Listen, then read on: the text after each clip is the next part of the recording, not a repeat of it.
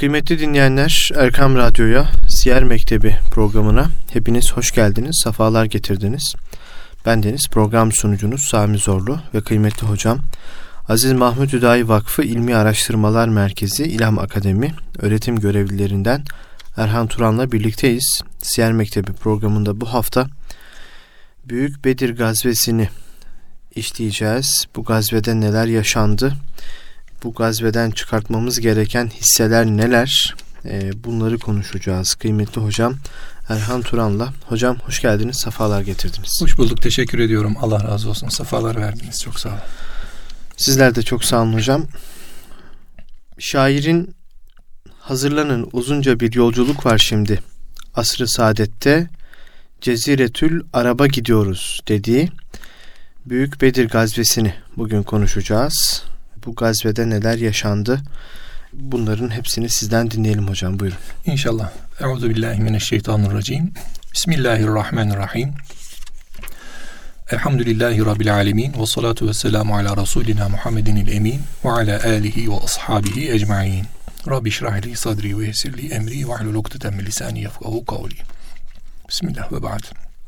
Büyük Bedir gazvesi Hazreti Peygamber aleyhissalatü vesselamın hicretin ikinci yılında artık e, müşriklere karşı e, savaş ayetleri yani kıtal ayetleri geldikten sonra hı hı. Hazreti Peygamber'in kendi daha önceki derste de bahsettiğimiz üzere katılmış olduğu gazveler vardı. Ama bizim siyer tarihi içerisinde önümüze gelen Hazreti Peygamber'in katıldığı en mühim, en büyük e, bir cihattı Bedir gazvesi.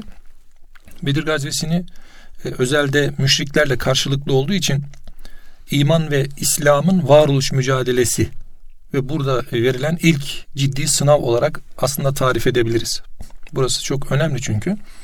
Peygamberimizin aleyhissalatü vesselam her ne kadar kaynaklarımızda bizim işte Kureyş müşriklerinin Müslümanların hac yapma niyetleri vardı. Buna müsaade edilmiyorlardı. Bir de Mekke'den Medine'ye hicret edildikten sonra Müslümanların Mekke'de varlıkları kalmıştı.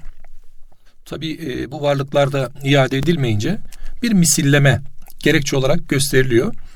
Halbuki buradaki bu zahiri bir sebepti. Bu işin arka planında yani iman planında iman ve İslam'ın e, Mekke müşriklerine, Kureyş'e karşı, müşriklere karşı ilk ciddi iman ve İslam'ın varoluş mücadelesini anlatan bir hadisedir aslında Bedir Gazvesi. Evet. E, Bedir Gazvesi'ni iki yönüyle inşallah anlamaya çalışacağız. Bunlardan birincisi genel olarak yani tarihi e, seyir içerisinde kaynaklarımızda yer alan kronolojik e, ifadesiyle işte Bedir Savaşı'nda neler oldu. Bir de bu savaş esnasında hazırlıkta hem Mekke'de hem de Medine'de hazırlık safhası esnasında bir takım vakalar vuku bulmuştu.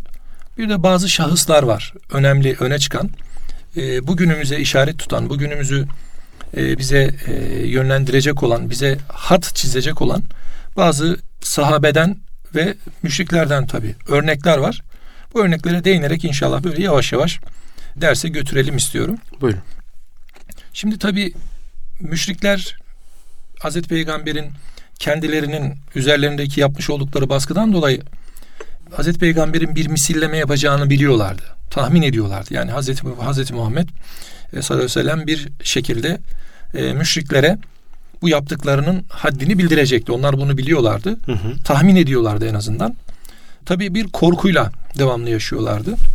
Bir seferinde de artık Bedir gazvesine sebeplerden, zahir sebeplerden bir tanesi Şam bölgesine büyük bir sermaye ile işte 50 bin dinar ve bin deveden müteşekkil içerisinde Ebu Süfyan ve Amr, Amr bin As gibi Mekke'nin önde gelen 30 veya 40 müşrik ileri gelenleriyle birlikte 30 veya 40 kişinin olduğu büyük bir kervan hazırlanmıştı.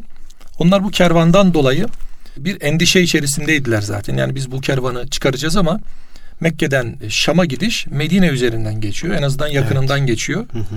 Biz bir misilleme e, ile karşılaşırsak nasıl bir karşılık koyarız diye böyle kendilerince bir e, endişeleri de vardı aslında. Niyet ettikleri zaman e, artık Hazreti Peygamber Aleyhisselatü Vesselam onların çıktığını öğrenince sahabe-i kiram hazaratını hazırlamaya başladı. Tabi bu daha henüz Mekke'ye ulaşmadı bu haber. Mekke habersiz bir şekilde kervanı yola çıkaracaktı. Tabi peygamberimizin halası Atike vardı. O bir rüya görmüştü. Rüyada bir ateş tabiri caizse her evin üzerine böyle düşüyor. E, o da bunu anlattı. E, kardeşine anlattı. Hazreti Abbas'a anlattı. Ancak bunu sakla dedi. Hazreti Abbas henüz Müslüman değildi. Hazreti Abbas'a anlattı. Hazreti Abbas da e, saklayacağını söyledi ama başkasına bu şekliyle Ebu Cehil'e kadar geldi bu rüyanın ifadesi. Ebu Cehil işte bir peygamberin erkeği vardı. Şimdi bir de kadını mı çıktı bu toplum içerisinden? Ne oluyorsunuz diye bir tepki koyacak. Hmm. Sonrasında bir şekilde Mekke'den e, Mekke Mekke'ye haber ulaşacak. Yani Medine'den e, çıkılıp kervanın karşılaşacağına dair bir haber çıkacak. Başta Ebu, Ebu Cehil olmak üzere Kureyş'in önde gelen müşrik idarileri, ileri gelenleri kendi bulundukları kabileleri ve e, Mekke halkını örgütlemeye başlayacaklar. Haydin hazırlanın. İşte hiçbir şey olmayan gelsin bizden istesin. Kılıç isteyene kılıç, işte deve isteyene deve, yiyecek isteyene yiyecek. Ne lazımsa verelim ve güzel bir savaşa şöyle girelim ve e, mücadelemize devam edelim diye böyle bir hazırlık safhasına girdiler. Tabi e, hırçın bir şekilde. Çünkü Ebu Cehil e, bir intikam şeyi vardı içerisinde. Mekke'den ayrılmıştı çünkü Müslümanlar. O onu hala hazmedememişti, sindirememişti. Akabinde de Hazreti Peygamber Aleyhisselatü Vesselam'ın böyle bir mücadelesinin olduğunu görünce sayılarının az olduğunu da bildiği için kendi e, sayılarına güvenerek büyük bir ordu hazırlamanın derdine düştü. Bu arada yine o e, Mekke'nin gelenlerinden işte Utbe bin Rebiya kardeşiyle nasıl yaparızı konuşurken işte Hazreti Peygamber'e Taif'te o üzüm ikram eden Addas onun kölesiydi. Utbe bin Rabiya'nın kardeşiyle olan diyaloğunu duyunca Addas ona siz ne yapmayı düşünüyorsunuz diye sormuştu. Onlar da e, savaşacaklarını söyleyince dedi ki gitmeyin. O Allah'ın peygamberidir. Çünkü iman etmişti o Taif'te. Gitmeyin o Allah'ın peygamberidir. Ancak siz öleceğiniz yere gidiyorsunuz diye onları uyarmıştı. Böyle hallere rağmen Kureyş ve ileri gelenleri işte 950 ya da 1000 kişilik bir ordu hazırladılar. Bunun 100 ya da 200 kadarı atlı idi. 700 civarı da develi gitmişlerdi. Ve her biri o dönemin son icat artık savaş aletleri neyse onlarla savaşacaklardı. Tabi buna mukabil Müslümanların sayısı o kadar fazla değildi. Hazreti Peygamber'in e, Bedir Savaşı'nı kazandıktan sonra ifadesiyle Talut'un ordusunun Calut'a kazandığı zaferdeki sayı 3, 313 idi. Biz de o kadarız dedi Peygamberimiz. Yani Bedir'deki zaferi kazanan sayı 313 kişi. 313 ile 1000 kişi mücadele edecek. Bir tarafta imanıyla ortada duran bir topluluk olacak. Öbür tarafta da küfrü inadisiyle çatışan bir topluluk olacak. Burada Allah ve Resulüne olan itaatin galibiyeti sonunda konuşacağız inşallah gelecek. Tabi Ramazan ayıydı. Ee, Ramazan ayında oruç tutacaktı sahabi. Efendimiz Aleyhisselatü Vesselam beden güçlerine mani olacağı endişesiyle oruç tutmalarını istemedi. Onlar e, oruçtan muaf tutuldular o savaş esnasında. Tabi gidilecek ama at yok, deve yok, sayıca yetecek kadar e, ekip, e, ekipman dedikleri işte e, savaş aleti vesaire yok. Ya sahabi e, daha çok imanıyla yola dökülüyor. Üç atlı yetmiş develi. Diğeri yaya olarak savaş meydanına kadar yürüyeceklerdi. Uzun bir mesafe. Sonra Peygamber Efendimiz bir e, bölgeye geliyor. Buyutu Sukiya denilen. Burada da bir ayıklama yapıyor tabiri caizse. Yani sahabenin böyle küçük olanları var. Savaşa e, e, heveslenmiş. Biz de cihada gideceğiz diye böyle heveslenen e, çocuklar var. Efendimiz onları geri çeviriyor. Ancak Sa'd bin Ebi Vakkas'ın böyle yeğeni var Umeyr diye bir delikanlı. O e, arkalarda arkalarda böyle saklanıyor. Efendimiz Aleyhisselatü Vesselam onu gördüğü zaman sen de geri dön diyor. 16 yaşında. Ancak gözyaşlarını tutamıyor. Başlıyor ağlamaya. Efendimiz Aleyhisselatü Vesselam niçin ağladığını sorunca ben küçük olduğum için ayrılıyorum diye ben de şehadete gidecektim diye böyle bir muhabbeti var. Efendimiz Aleyhisselatü Vesselam onun o gözyaşlarına dayanamıyor, kabul ediyor. Hatta Sa'd bin Ebi Vakkas diyor ki ben e, yeğenimin diyor e, kılıcını bağladım. Kılıç belinde asılıyken yerde sürünüyordu diyor. Yani boyu da küçük böyle küçücük bir çocuk. Evet. 16 yaşlarında. Bedir'de e, şehadete eriyor bu delikanlı. Tabi burada Allah ve Resulüne olan muhabbet ve şehadete olan aşkı ve heyecanı görüyoruz sahabide. Yani sahabeden savaşa katılmamak için bahane üreten yok. Aksine saha, savaşa katılabilmek için, cihada katılabilmek için, şehadete erebilmek için imkan üretmeye çalışan bir aşk var, bir muhabbet var. Evet. Hazreti Peygamber de yine diğer ashab gibi o at ve deveden azca nasibi olanlardandı. Nöbetleşe biniyorlardı üçer kişi. Hazreti Peygamber Hazreti Ali ve Lübabe ile Ebu Lübabe ile birlikteydi. Daha sonra bir bölgeye daha gelindiğinde Hazreti Peygamber Ebu Lübabe'yi vekaleten Medine'ye geri gönderdi. Yani nöbetleşe binerek geldiler. Yani bu çok önemli bir aslında e, hal.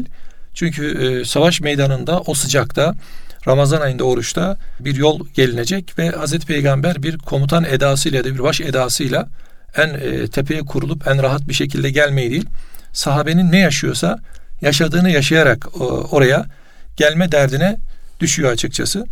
Tabi Efendimiz Aleyhisselatü Vesselam yine artık Bedir'e doğru ilerlediler.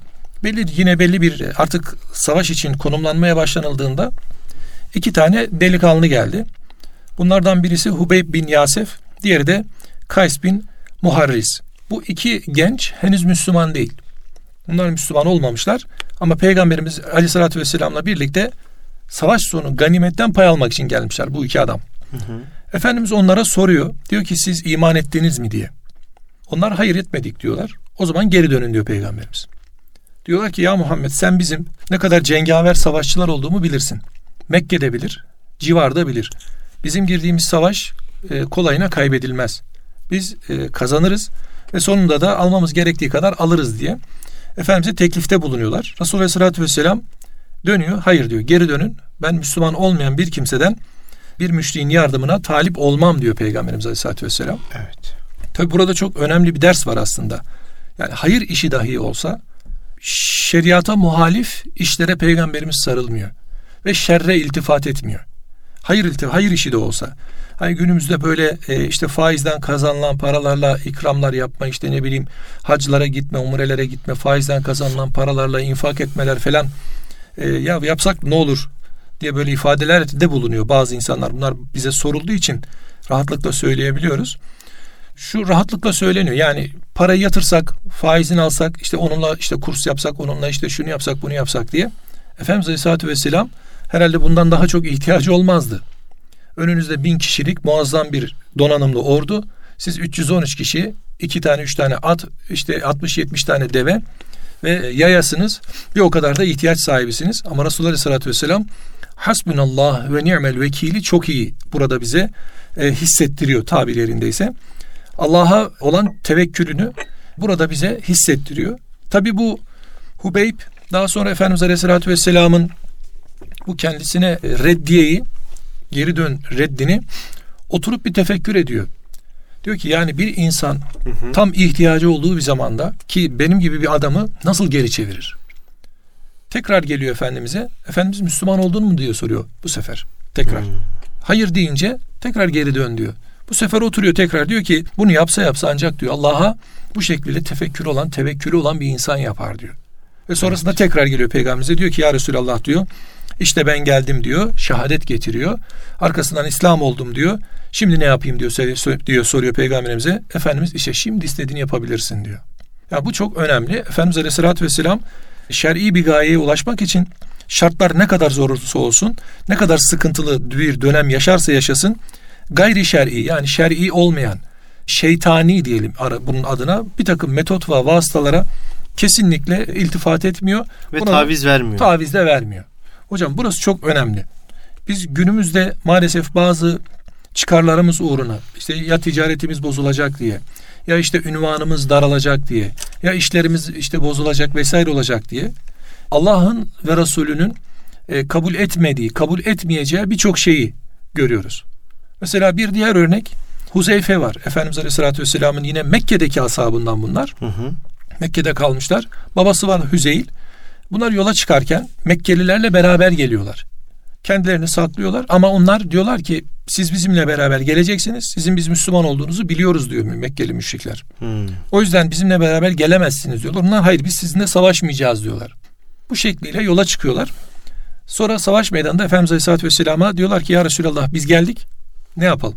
Efendimiz hangi şartla geldiniz diye soruyor. Onlar sizinle savaşmayacağız diye geldik deyince Efendimiz hadi gidin diyor geri dönün diyor. Hmm. Biz diyor sizin verdiğiniz sözü tutarız. Onlara karşı Allah'tan yardım dileriz. deyip Onlar onları da- kaç kişi hocam? Onlar iki kişi. İki kişi Baba olmak oğul. değil. Baba oğul. Efendimiz Aleyhisselatü Vesselam onları da geri çeviriyor. Yani burada tabii söze, verilen söze iltifat ve ahde vefa.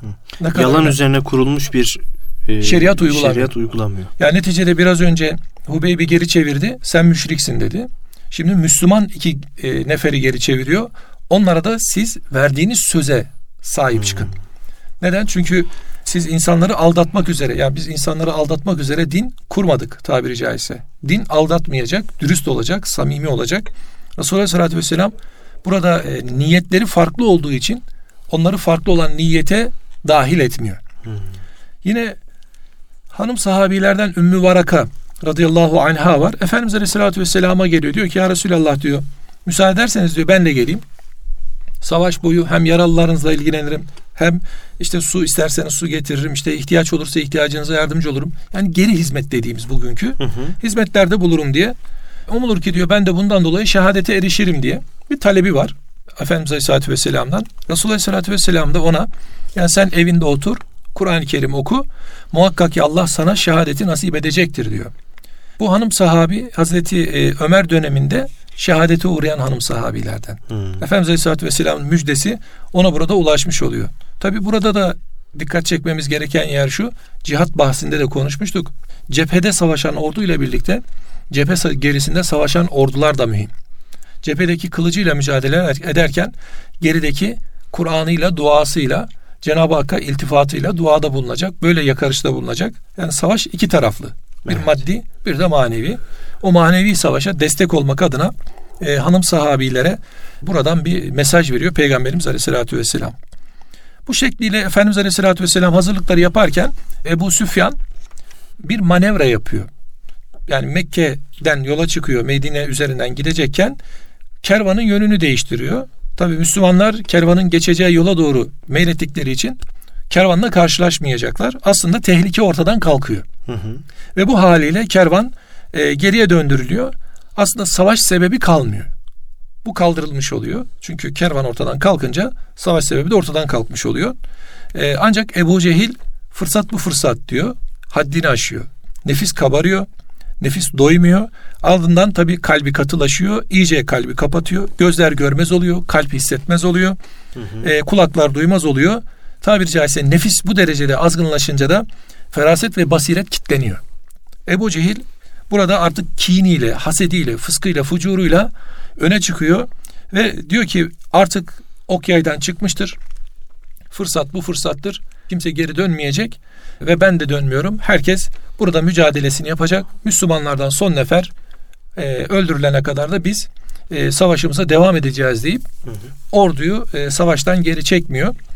Tabi Resulullah Aleyhisselatü Vesselam onların bu hali üzere tabi arada şeyler var. E, ne diyoruz onun adına? E, ajanlar var. Böyle haber götürüp getiren haberciler var. Hı hı. E, elçiler onlar gidip karşı tarafa bakıyorlar. Ne yapıyor bunlar? Onlardan da gelenler oluyor. Ne yapıyor bunlar diye. Resulullah Aleyhisselatü Vesselam'a durum haber edilince demek ki diyor savaşmak burada e, artık farz oldu. Ne yapalım diyor peygamberimiz. Müdafaa mı yapalım? Yoksa Taarruz e, mu yapalım? Şey mi? e, Hem tabii taarruz mu yapalım ama kervanı mı takip edelim? Hangisiyle e, mücadele edelim? Çünkü önümüze iki yol çıktı şu an diyor. Bunlardan birincisi kervan geri dönüyor. Kervanı takip edip kervanı kuşatmak mı? İkincisi Kureyş'in müşrikleri bütün e, döküm dökümanlarıyla karşımıza savaşa geliyor. Yoksa savaşmak mı? Hangisini yapalım? Tabi sahabi e, burada Hazreti Ömer, Hazreti Ebubekir başta olmak üzere diyorlar ki ya Resulallah e, bu noktada siz nasıl buyursanız biz öyle yaparız diyorlar. Yine e, ensardan olan işte sahabilerden Miktat bin Esvet ayağa kalkıp ya Resulallah diyor e, biz Yahudilerin Hazreti Musa'ya dediği gibi demeyeceğiz. Yani sen Rabbinle beraber git savaş biz sonra gelelim o bölgeye yerleşelim gibi biz böyle bir şey bulunmayacağız konuşmayacağız diyor. Ve Sa'd bin Muaz da yine kalkıp ya Resulallah biz sana iman ettik. Getirdiğin Kur'an'ın hak olduğuna da inandık. Nasıl istersen öyle yapalım. Şayet denize dal dersen bize biz denize de dalarız diyor. E, sahabi Allah Resulü'nün kalbindekine beyat ediyor. Allah Resulü'nün kalbinde, kalbindekine beyat ediyor. Resulullah'ın buradaki istişaresi hem sahabeye bir cesaret, bir güç katıyor hem de Efendimiz Aleyhisselatü Vesselam'a kalbine olana e, beyat, Efendimiz olan itibarlarını ve ittibalarını kuvvetli kılmış oluyor. E, sonrasında Efendimiz Aleyhisselatü Vesselam e, o zaman haydi bakalım diyor. Allah'ın izni ve bereketiyle yürüyün. Yani meydan savaş meydanı olacak. Kureş kervanı geri dönecek. Kervana e, mücadele, müdahale edilmeyecek. Bu şekilde Müslümanlar artık harp meydanına kadar geliyorlar. Evet. Resulullah Aleyhisselatü Vesselam harp meydanına geldiğinde bir bölgeye yerleşiyor. Sahabi diyorlar ki ya Resulallah biz burasını uygun gördünüz ama strateji olarak şöyle bir şey yapsak, siyaset olarak şöyle bir şey yapsak, e, Bedir kuyularının tamamını kapatsak, birini açık bıraksak, açık olanın civarında da biz konumlansak, yerleşsek. O zaman onlar geldiklerinde bitkin olacaklar ve su isteyecekler. Kuyuları kapalı bulunca moral olarak çökecekler. Artı suya talip olduklarında suyun başına gelende biz gerekirse katledebiliriz hı hı. diye böyle bir teklif Efendimiz Aleyhisselatü Vesselam'a sunulacak. Tabi peygamberimizin hoşuna gidecek bu teklif. Neticede Müslüman orada moral olarak bir pozisyonda bir fazilet daha yukarı çıkıyor. Müşrikler de aslında daha da böyle bir demoralize oluyorlar. Yani bakıyorlar ki ortalık e, işte sıcaktan güneşten kavruluyor. Su var diye geliyoruz ama su e, yok. Kuyular taşlanmış, kapatılmış, içecek tarafı yok. Sadece bir kuyu açık kalmış. Öyle de oluyor. Geliyorlar, o kuyuya saldırıyorlar. O kuyunun üzerine geliyorlar. Sahabi engel olmak için hamle yapacaktı. Efendimiz Aleyhisselatü Vesselam dokunmayın dedi. Bırakın içsinler dedi. Neden? Çünkü Efendimiz Aleyhisselatü Vesselam onların hep e, kalbini kazanmakla meşgul. Hmm. Merhameti hep önde duruyor. Evet. Yani tam bir insanlık dersi bu yani. Kim kime savaşta bir bardak su verir? Efendimiz Aleyhisselatü Vesselam kuyuyu açıyor onlara. Kuyuyu veriyor. Buyurun için suyunuzu diye. Daha sonrasında bu insanlar sularını aldıktan sonra geri çekiliyorlar. Bir yerde okumuştum rivayette diyor ki oradan su içenlerin hepsi Müslüman oldu. Tam tersi hocam. Meydanda öldürüldü diyorlar. Hmm.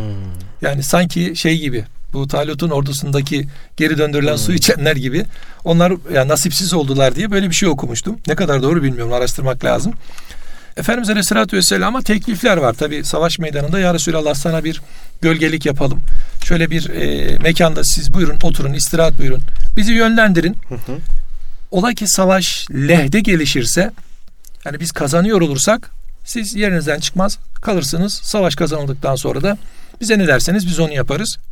Velev ki savaş aleyhe dönerse yani biz eğer kaybedecek olursak o zaman şuradan siz atınıza biner, devenize biner, Medine'ye geri dönersiniz. Sizin kurtulmanız bizim için yeterlidir diye Efendimiz'e teklifte bulunuyorlar. Efendimiz Aleyhisselatü Vesselam da diyor ki yani geri dönün. Bana bir şey yapmanıza gerek yok. Ben sizinle beraber bu meydanda varım ve savaşacağım.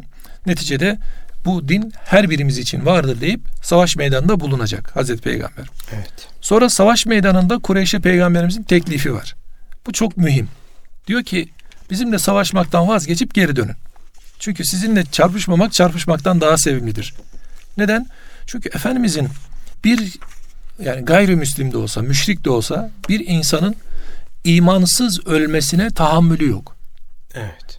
Efendimiz yani bir insan eğer ölecekse, son nefesini verecekse iman üzere ölmeli. Durgu algısıyla yaşıyor. Hatta birisi bir hadiste var. E, geliyor diyor ki Peygamber Efendimiz'e işte böyle bir ciddi bir iddialaşma oluyor. Efendimiz Aleyhisselatü Vesselam Hazreti Ömer vuralım ya Resulallah boynunu bunun deyince durun diyor. Onunla mücadele yaptıktan sonra iman ediyor. Evet. Efendimiz buyuruyor ki ben evet deseydim imansız gidecekti diyor. Hazreti Ömer diyor ki yani Allah Resulü'nün isabetini hep gördük diyor bu noktada. Çünkü Resulullah Aleyhisselatü Vesselam kendi menfaatiyle düşünmüyor. İslam'ın izzetiyle ve şerefiyle düşünüyor. Artı bir kimsenin imanla ölmesi imansız ölmesinden daha hayırlıdır diye iman ediyor Resulullah Aleyhisselatü Vesselam. Evet. Hocam vaktimizin sonuna geldik. Öyle ee, mi? Bismillah. Bedir Savaşı'nı konuşuyoruz. Evet. Kıymetli dinleyenler e, Erhan Turan hocamla birlikte. Savaşı başlatmış olduk hocam şu anda evet, değil aslında mi? aslında meydana girdik. Meydana yavaş yavaş, girdik. Evet. Önümüzdeki hafta meydanda neler yaşandı? Evet inşallah. Ee, bunlar üzerine konuşmaya devam edelim. Peki, peki ee, bu haftalık vaktimizin sonuna geldik hocam. Çok çok teşekkür ediyoruz. Ben teşekkür ederim. Gönlünüze sağlık. Olsun. Allah razı olsun. İnşallah. Kıymetli dinleyenler Erkam Radyo'da Erhan Turan hocamla birlikte Siyer Mektebi programında Büyük Bedir gazvesini konuşuyoruz. Gazve öncesi neler yaşandı? Peygamber Efendimiz sallallahu aleyhi ve sellem bu savaşa nasıl hazırlandı? Bu savaşın sebepleri nelerdi? Ve savaş meydanında neler yaşandı? E, bunları konuştuk. Savaş meydanında neler yaşandığı da konuşmaya devam edeceğiz. Önümüzdeki hafta inşallah. Şimdilik Allah'a emanet olun. Kulağınız bizde olsun efendim. Çok çok teşekkür ediyoruz. Hoşçakalın.